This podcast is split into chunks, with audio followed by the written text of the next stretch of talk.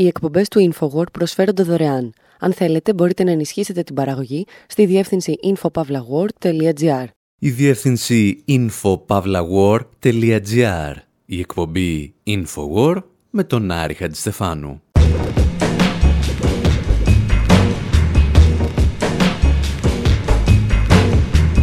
όπου σήμερα συζητάμε για τις γυναίκες που δημιούργησαν την ηλεκτρονική μουσική και ύστερα τις έφαγε το σκοτάδι. Θυμόμαστε το μουσικό θέμα του Dr. Who και αναρωτιόμαστε πώς μπορείς να γράψεις αυτή τη μουσική εάν έχεις στη διάθεσή σου μόνο κάτι μαγνητοτενίες. Συνειδητοποιούμε ότι οι γυναίκες βρίσκονταν πάντα στην πρωτοπορία της ηλεκτρονικής τεχνολογίας και των υπολογιστών, αλλά ένα ανδροκρατούμενο οικονομικό σύστημα φρόντιζε να τις πετά πάντα στο περιθώριο. Παρακολουθούμε ραδιοφωνικά το νέο ντοκιμαντέρ της Λίζα Ρόβνερ για γυναίκες που άκουγαν φωνές και δεν ήταν η Ζαντάρκ, αλλά κάποιοι εξακολουθούσαν να θέλουν να τις κάψουν.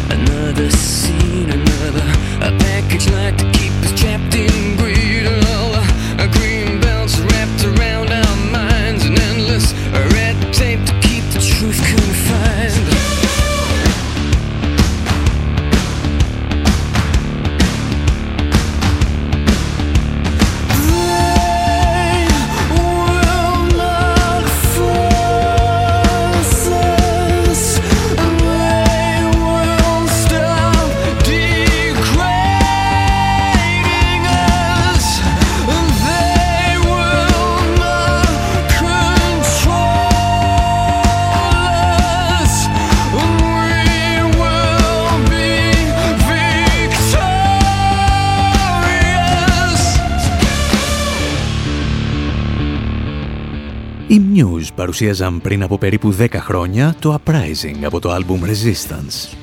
Και οι παλαιότεροι ίσως σκεφτείτε Μισό λεπτό, αυτό δεν θυμίζει το άλλο από εκείνη την τηλεοπτική σειρά με τον τύπο που έμπαινε σε ένα μπλε κουτί και ταξίδευε στο χρόνο. Και θυμίζει πράγματι το μουσικό θέμα της τηλεοπτικής σειράς Doctor Who.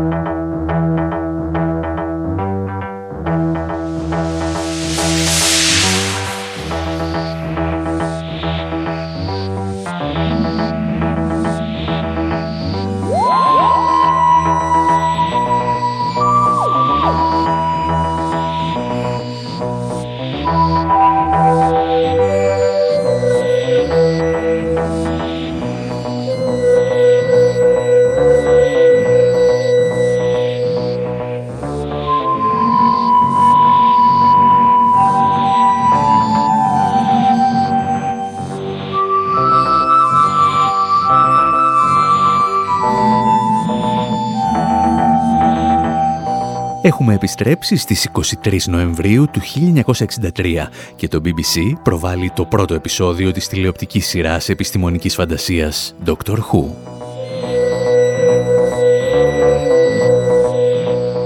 Και θα ήταν μια συνηθισμένη μέρα του Νοέμβρη εάν 24 ώρες νωρίτερα τα αμερικανικά μέσα ενημέρωσης δεν είχαν διακόψει το πρόγραμμά τους για να μεταδώσουν μια έκτακτη είδηση. President Kennedy was shot today just as his motorcade left downtown Dallas. Mrs. Kennedy jumped up and grabbed Mr. Kennedy. She cried, oh no. Οι τηλεοράσεις όλου του κόσμου μεταδίδουν τις πρώτες πληροφορίες για τη δολοφονία του Πρόεδρου Κένεντι. Και αν αυτό συνέβαινε σήμερα, θα προκαλούσε συνεχή ροή ειδήσεων για κανένα δυο μήνες. Το BBC όμως δεν είχε τέτοια προβλήματα το 1963. Είχε προγραμματίσει να παίξει Doctor Who 24 ώρες μετά τη δολοφονία του Κένεντι και θα έπαιζε Doctor Who. Η σειρά θα αποτελέσει επανάσταση στα τηλεοπτικά χρονικά και με διάφορες μορφές και πρωταγωνιστές συνεχίζεται για περίπου έξι δεκαετίες. Εξίσου μεγάλη επανάσταση όμως έφερε και το μουσικό θέμα της σειράς. Κάποιοι αναφέρουν ότι ήταν ίσως το πρώτο δείγμα ηλεκτρονικής μουσικής που μεταδόθηκε από την τηλεόραση Κάποιοι άλλοι, πιο κακεντρεχείς αλλά και πιο ακριβείς, υποστηρίζουν ότι ήταν μάλλον το πρώτο δείγμα ηλεκτρονικής μουσικής που μεταδόθηκε από την τηλεόραση και ακουγόταν. Τα εξηγούσαν και οι δημιουργοί του ντοκιμαντέρ Sisters with Transistors που κυκλοφόρησε πρόσφατα. Prior to Doctor Who, there's a lot of distaste Μέχρι τον Dr. Who υπήρχε μεγάλη απέχθεια για την ηλεκτρονική μουσική. Η μουσική της Ντέλια έπαιξε καθοριστικό ρόλο στην αλλαγή αυτής της αντίληψης. Οι άνθρωποι έρχονταν και ρωτούσαν τι είναι αυτό και πώς φτιάχνεται.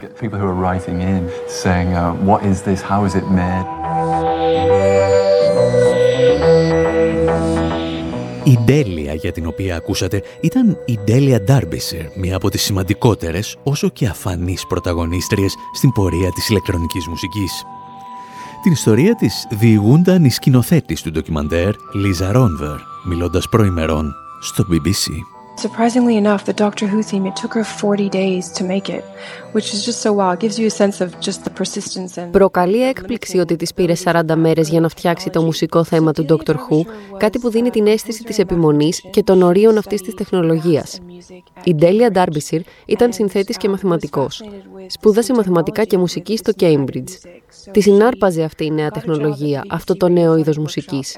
Έπιασε δουλειά στο ραδιοφωνικό εργαστήρι του BBC και μετατράπηκε σε κάλτη ροίδα με το μουσικό θέμα του Dr. Who. Όπως λέει κάποιος στην ταινία, η Ντέλια έκανε την ηλεκτρονική μουσική όμορφη και μέσω της ικανότητάς της να συνθέτει τέτοια ομορφιά μέσω των ηλεκτρονικών, άνοιξε τα μυαλά των ανθρώπων γύρω από την ηλεκτρονική μουσική.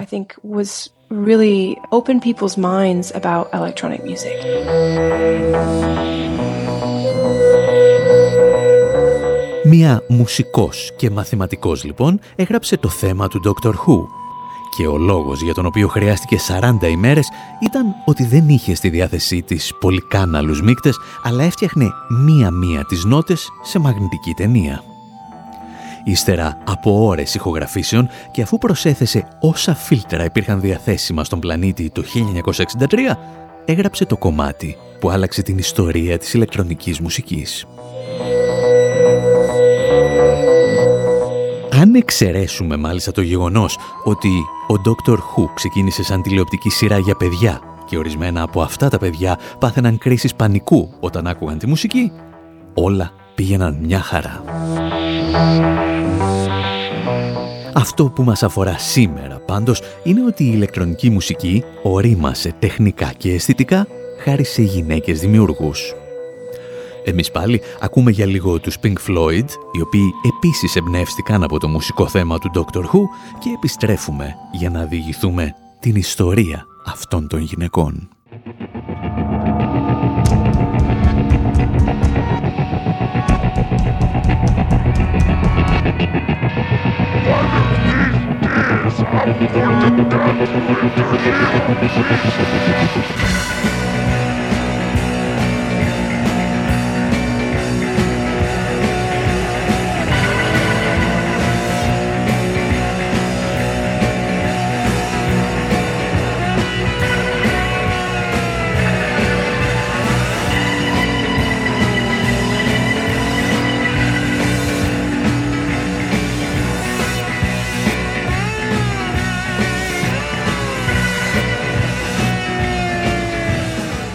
Αν αναρωτιέστε τι έλεγε ο καλός κύριος στην αρχή του τραγουδιού, ήταν «Μία από αυτές τις μέρες θα σε κόψω κομματάκια».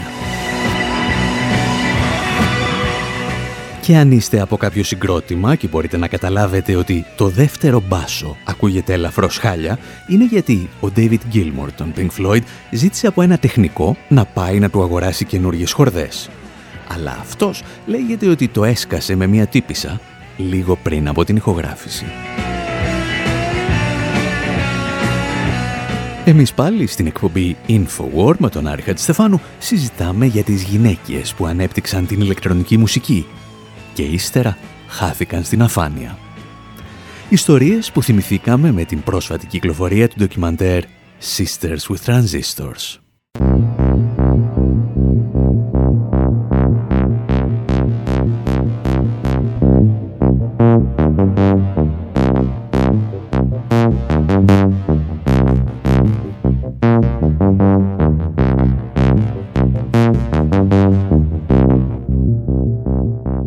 Θεωρητικά, η ηλεκτρονική μουσική κάνει τα πρώτα της πειραματικά βήματα στο τέλος του 19ου αιώνα και στις αρχές του 20ου.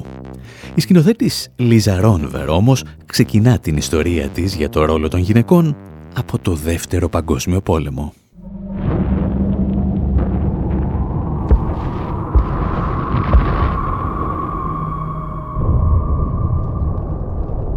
World War II emptied cities of men. Ο Δεύτερος Παγκόσμιος Πόλεμος άδειασε τις πόλεις από άντρες. Λόγω της απουσίας των ανδρών εργάζονταν οι γυναίκες. Η ελευθερία ήταν παραπάνω από ένα συνέστημα.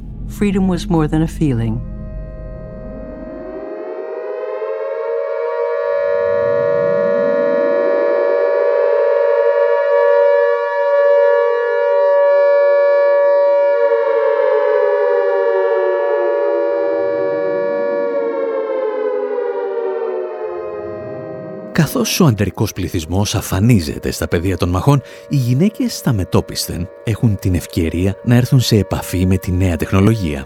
Στο Λονδίνο χιλιάδες γυναίκες εργάζονται στις επικοινωνίες ή σε ραδιοφωνικούς σταθμούς.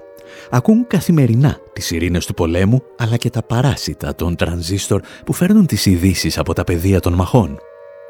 Και μέσα σε αυτή την φρίκη, αλλά και την απελευθέρωση, ορισμένες γυναίκες αρχίζουν να δημιουργούν τη δική τους μουσική, όπως η Daphne Oram.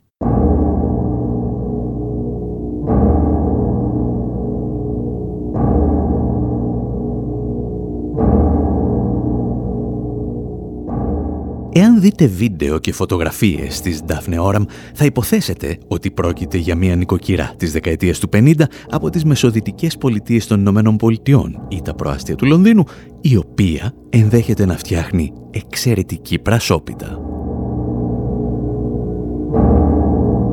Γι' αυτό ποτέ, αλλά ποτέ μην τολμήσετε να κρίνετε ξανά έναν άνθρωπο από την εμφάνισή του και κυρίως ποτέ μην αμφισβητήσετε μια γυναίκα πριν γνωρίσετε τι μπορεί να πετύχει. Γιατί η Daphne Oram ήταν μία από τις μητέρες της ηλεκτρονικής μουσικής. Το πρόβλημα βέβαια ήταν ότι ακόμη και στην εποχή της οι δημοσιογράφοι λίγο απήχαν από το να την αντιμετωπίζουν σαν μια σύγχρονη Ζαν Ντάρκ που άκουγε φωνές. Welcome to Tower Folly. Καλώς ήρθατε στον πύργο Φόλι, ένα μοναχικό αγροτικό κτίριο στους λόβους του North Downs του Kent. Από όσο γνωρίζω, αυτό το κτίριο δεν είναι στοιχειωμένο και δεν υπάρχει κανένας τρελός επιστήμονας εδώ. Στην πραγματικότητα, αυτό είναι ένα εργοστάσιο μουσικής όπου μπορούν κυριολεκτικά να φτιάξουν μουσική από ηλεκτρονικούς ήχους. Και η γυναίκα που τη φτιάχνει μόλις έλαβε επιχορήγηση για την έρευνά της. Είναι δίπλα μου στο κέντρο ελέγχου της, η δεσπινίδα Δάφνη Όραμ. Πώς ασχοληθήκατε με αυτού του είδους τη δουλειά;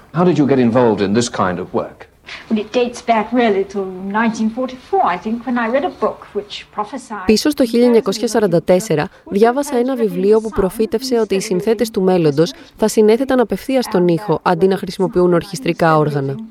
Από τότε δουλεύω στα στούντιο του BBC, οπότε έχω και πρόσβαση στον εξοπλισμό αυτού του είδους.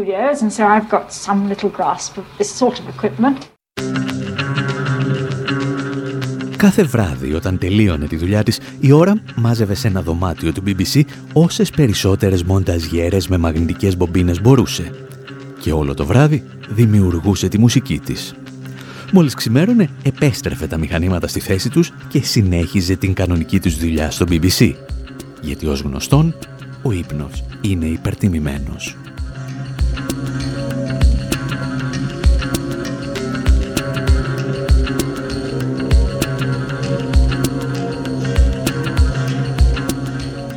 Όπως εξηγούσαν οι συντελεστές του ντοκιμαντέρ Sisters with Transistors, αρκετές ακόμη γυναίκες θα ακολουθήσουν τον αχαρτογράφητο δρόμο της ηλεκτρονικής μουσικής, γιατί, μεταξύ άλλων, δεν είχε επιβληθεί ακόμη η κυριαρχία των ανδρών. It's fascinating to discover just how many women had been involved in this pioneering electronic music. Είναι συναρπαστικό να ανακαλύπτεις πόσες πολλές γυναίκες αναμίχθηκαν στην πρωτοποριακή ηλεκτρονική μουσική. Στην ταινία, η Λόρι Σπίγκελ εξηγεί ότι οι γυναίκες προσελκύονταν ιδιαίτερα από την ηλεκτρονική μουσική όταν η δυνατότητα για μια γυναίκα να συνθέσει θεωρούνταν αμφιλεγόμενη. Τα ηλεκτρονικά συστήματα έδιναν τη δυνατότητα στις γυναίκες να φτιάξουν μουσική που θα ακουγόταν από άλλους ανθρώπους και έτσι συνέβαλαν στη χειραφέτηση. Μπορούσαν να φτιάξουν μουσική που θα πήγαινε απευθεία στα ακροατήριά τους, δίχως την ανάγκη να τους πάρει στα σοβαρά το ανδροκρατούμενο κατεστημένο. Μια από τις γυναίκες στην ταινία, η Σουζάν Τσιάνι, λέει: Μπορούσες να τα κάνεις όλα μόνη σου. Ήσουν η συνθέτρια, η ερμηνεύτρια, η μοναδική κριτής της δημιουργίας σου. Μπορούσες να παρουσιάσεις τη μουσική απευθεία στο ακροατήριό σου.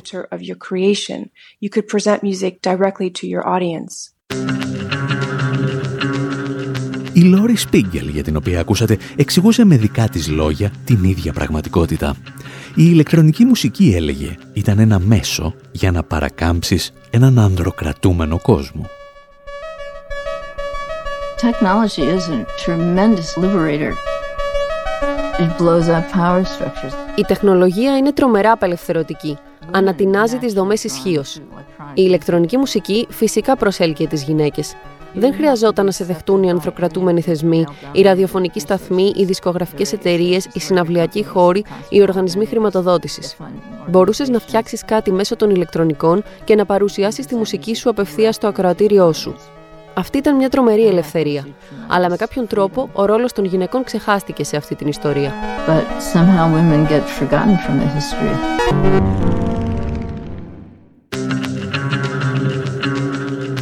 Παρεπιπτόντος, η Λόρα Σπίγκελ ήταν πρωτοπόρος στη μουσική ηλεκτρονικών υπολογιστών, που, όπως όλα τα πειραματικά είδη μουσικής, στην αρχή απλώς δεν ακούγονται.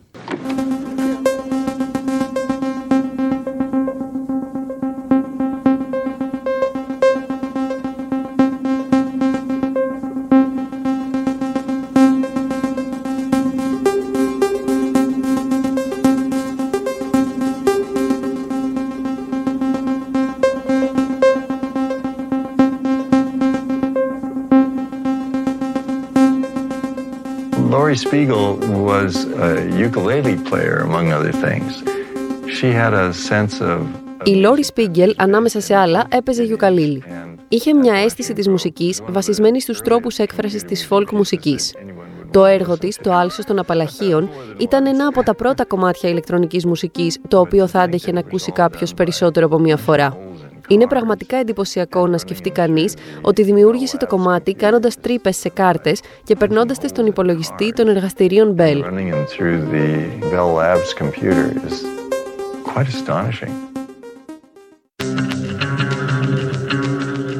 Εσείς, ύστερα από όλα αυτά, ελπίζουμε να μείνετε εδώ, γιατί στο δεύτερο μέρος της εκπομπής έχουμε διαφορετικές ιστορίες να σας διηγηθούμε.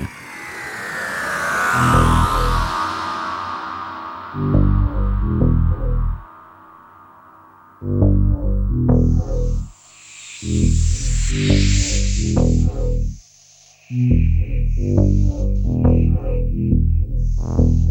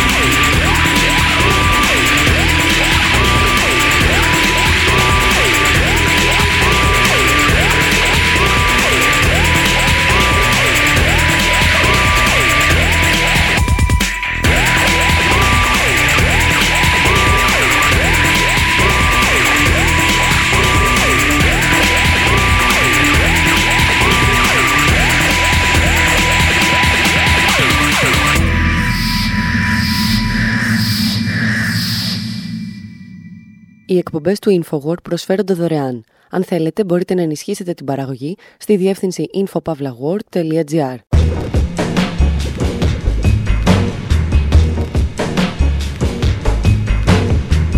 όπου σήμερα σε αυτή την εκπομπή υποψιαζόμαστε ότι θα γίνει της πατέντας. Γι' αυτό συζητάμε για έναν άνθρωπο που πούλησε μία πατέντα δισεκατομμυρίων δολαρίων για ένα δολάριο. Συζητάμε όμως και για άλλους που θέτουν σε κίνδυνο τη ζωή δισεκατομμυρίων ανθρώπων για μια χούφτα δολάρια. Και όλες αυτές οι ιστορίες ξεκινούν κάπου στον Καναδά.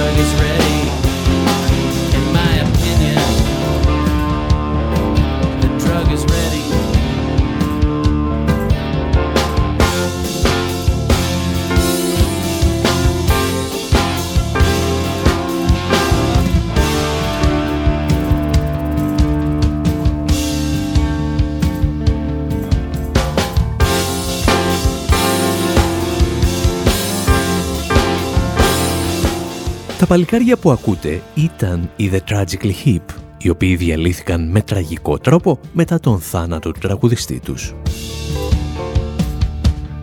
Το τραγούδι Bats Wiggling που ακούμε γράφτηκε για την καναδική ταινία Brain Candy, η οποία αποτελεί ένα δρυμή κατηγορό απέναντι στις μεγάλες φαρμακοβιομηχανίες. Και ενώ η ταινία πήγε εμπορικά άπατη, μας άφησε ένα συμπαθέστατο soundtrack. Ακούω, λέει το τραγούδι, τον γλυκό ήχο της κατοχύρωσης μιας ευρεσιτεχνίας. Και αν θέλετε την άποψή μου, το φάρμακο είναι έτοιμο. Και όταν οι Καναδοί λένε ότι ένα φάρμακο είναι έτοιμο και ετοιμάζονται να το κατοχυρώσουν, τους ακούμε με προσοχή, γιατί έχουν να μας διηγηθούν ενδιαφέρουσες ιστορίες από παλιά.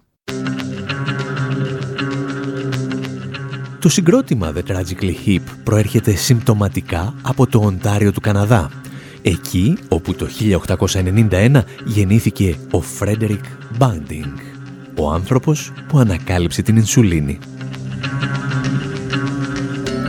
Ο Μπάντινγκ, όπως συμβαίνει πάντα στην επιστημονική έρευνα, πάτησε στις πλάτες γιγάντων. Συγκεκριμένα πάτησε σε έρευνες Γερμανών γιατρών, οι οποίοι αναγκάστηκαν να διακόψουν το έργο τους λόγω του Πρώτου Παγκοσμίου Πολέμου και ο Μπάντινγκ μπόρεσε να πατήσει σε αυτές τις πλάτες γιατί τα συμπεράσματα των ερευνών ήταν ελεύθερα διαθέσιμα σε ολόκληρη την επιστημονική κοινότητα. Εμάς όμως μας ενδιαφέρει μία άλλη σημαντική πτυχή της ιστορίας.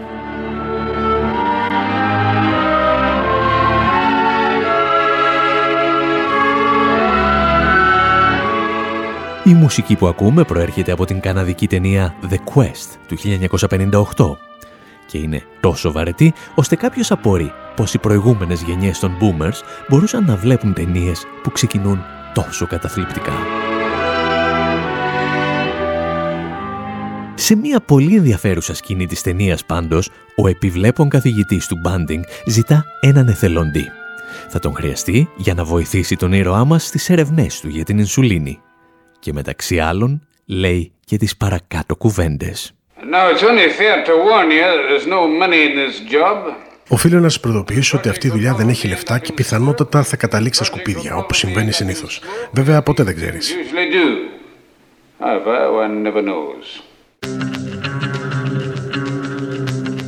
Για την ιστορία, ο συγκεκριμένος καθηγητής ήταν ο Τζον Μάκλεον, ο οποίος μοιράστηκε με τον Μπάντινγκ το Νόμπελ Ιατρικής για την Ινσουλίνη. Το οποίο ήταν ελαφρώς άδικο, γιατί πολύ περισσότερη δουλειά είχε ρίξει ο Charles Best, ο φοιτητής δηλαδή που σήκωσε το χέρι του και δέχθηκε να βοηθήσει στις έρευνες.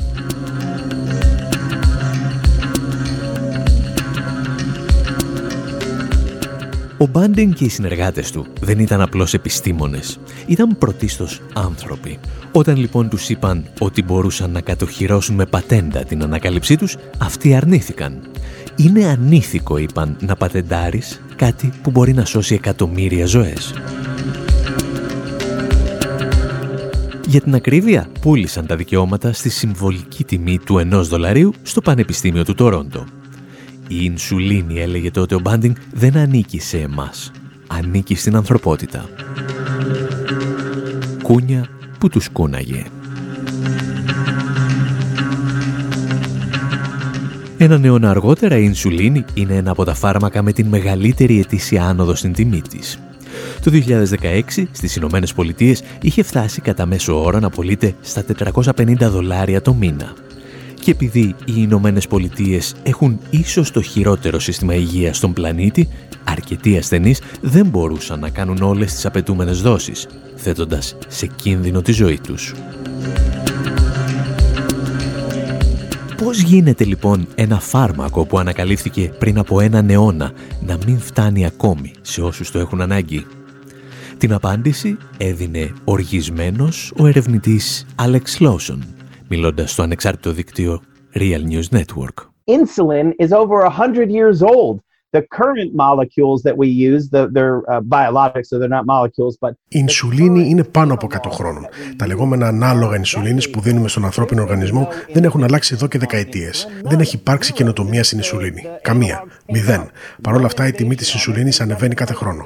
Υπάρχουν τρεις εταιρείες που παράγουν αυτά τα ανάλογα και κινούνταν σαν καρτέλ για να ανεβάζουν την τιμή κάθε χρόνο. Αυτό δεν γίνεται για να πληρωθεί η καινοτομία. Δεν υπάρχει καινοτομία. Είναι ένα παλιό φάρμακο. Αυτό γίνεται για να μπορέσουν να αγοράσουν οι μέτοχοι έχει άλλο ένα γιότ εις βάρος ανθρώπινων ζώων. Αυτό είναι το επιχειρηματικό μοντέλο των φαρμακευτικών αυτή τη στιγμή.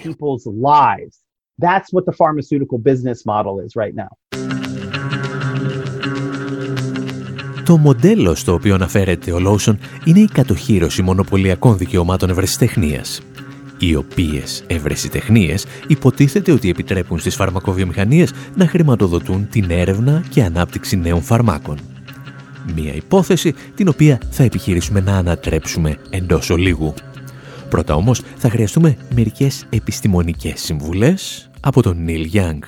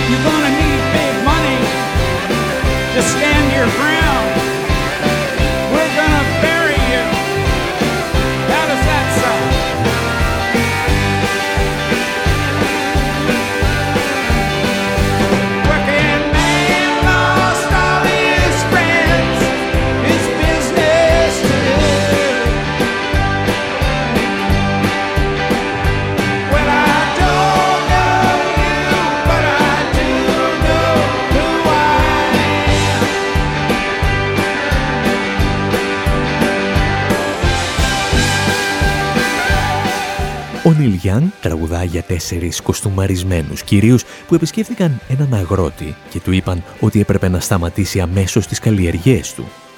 Γιατί αυτοί κατήχαν, λέει, τις πατέντες για τους σπόρους που χρησιμοποιούσε.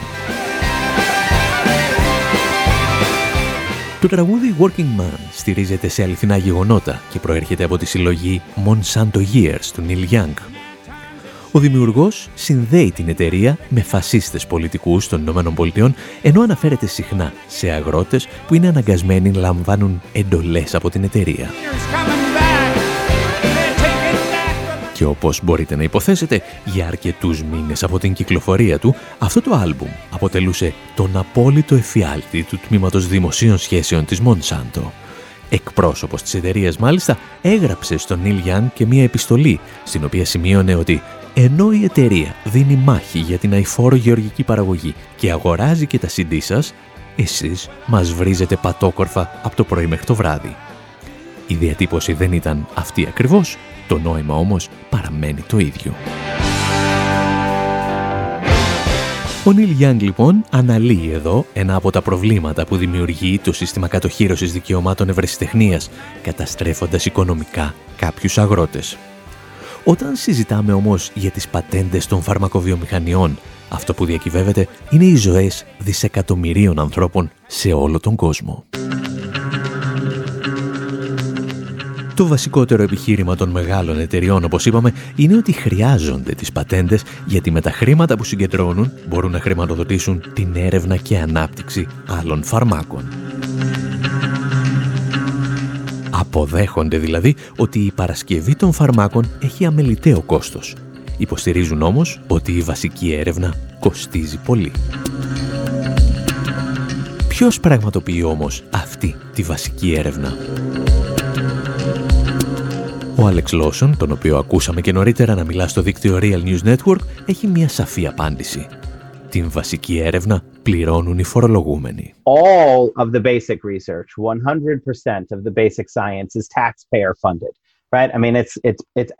Όλη η βασική έρευνα σε ποσοστό 100% είναι χρηματοδοτούμενη από τους φορολογούμενους.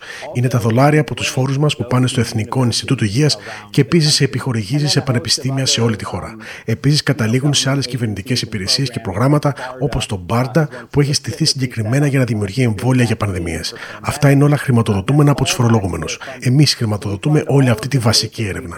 Χρηματοδοτούμε πολύ από την έρευνα του αρχικού σταδίου, περίπου το 80% αυτής και σε μερικές περιπτώσεις περιπτώσεις πληρώνουμε όλη τη διαδικασία μέχρι τις τελικές κλινικές δοκιμές. Πρόσφατη έρευνα αποκάλυψε ότι ένα στα τέσσερα φάρμακα το χρηματοδοτούμε σε ολόκληρο τον κύκλο ζωής του.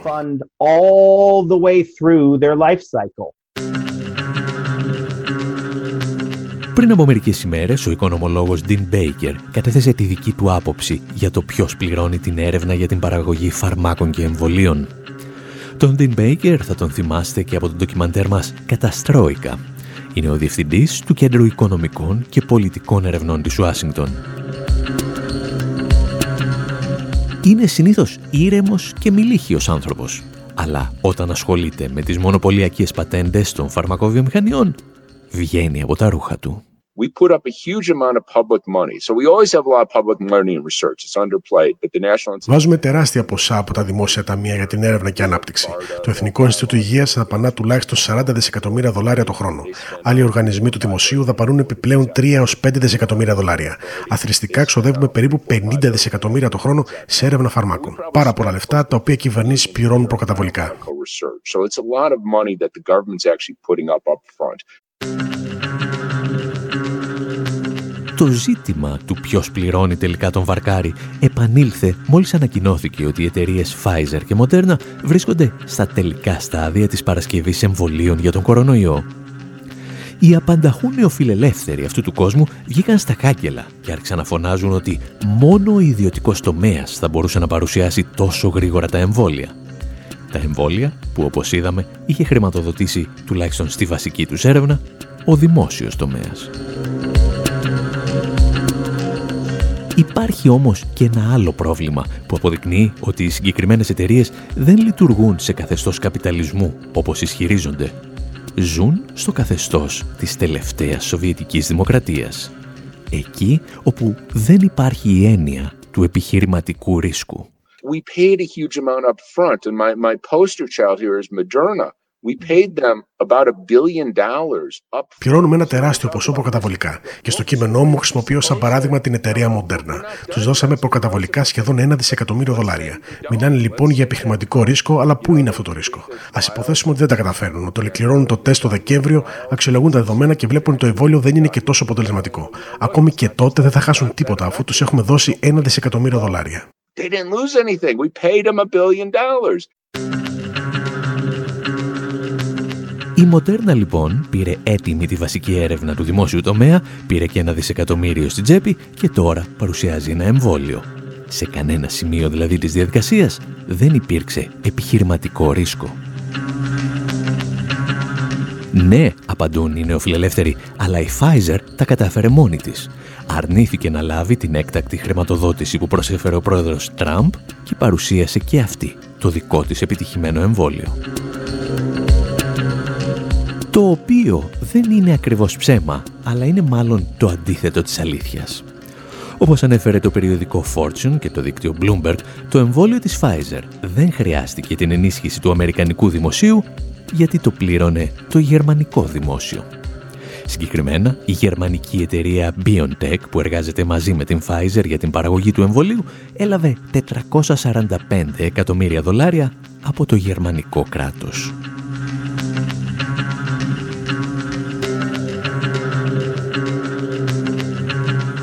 Εμείς πάλι κάπου εδώ λέμε να σας αφήσουμε και για αυτή τη ραδιοφωνική εβδομάδα. Τα λέμε όμως καθημερινά στη διεύθυνση info.pavlawar.gr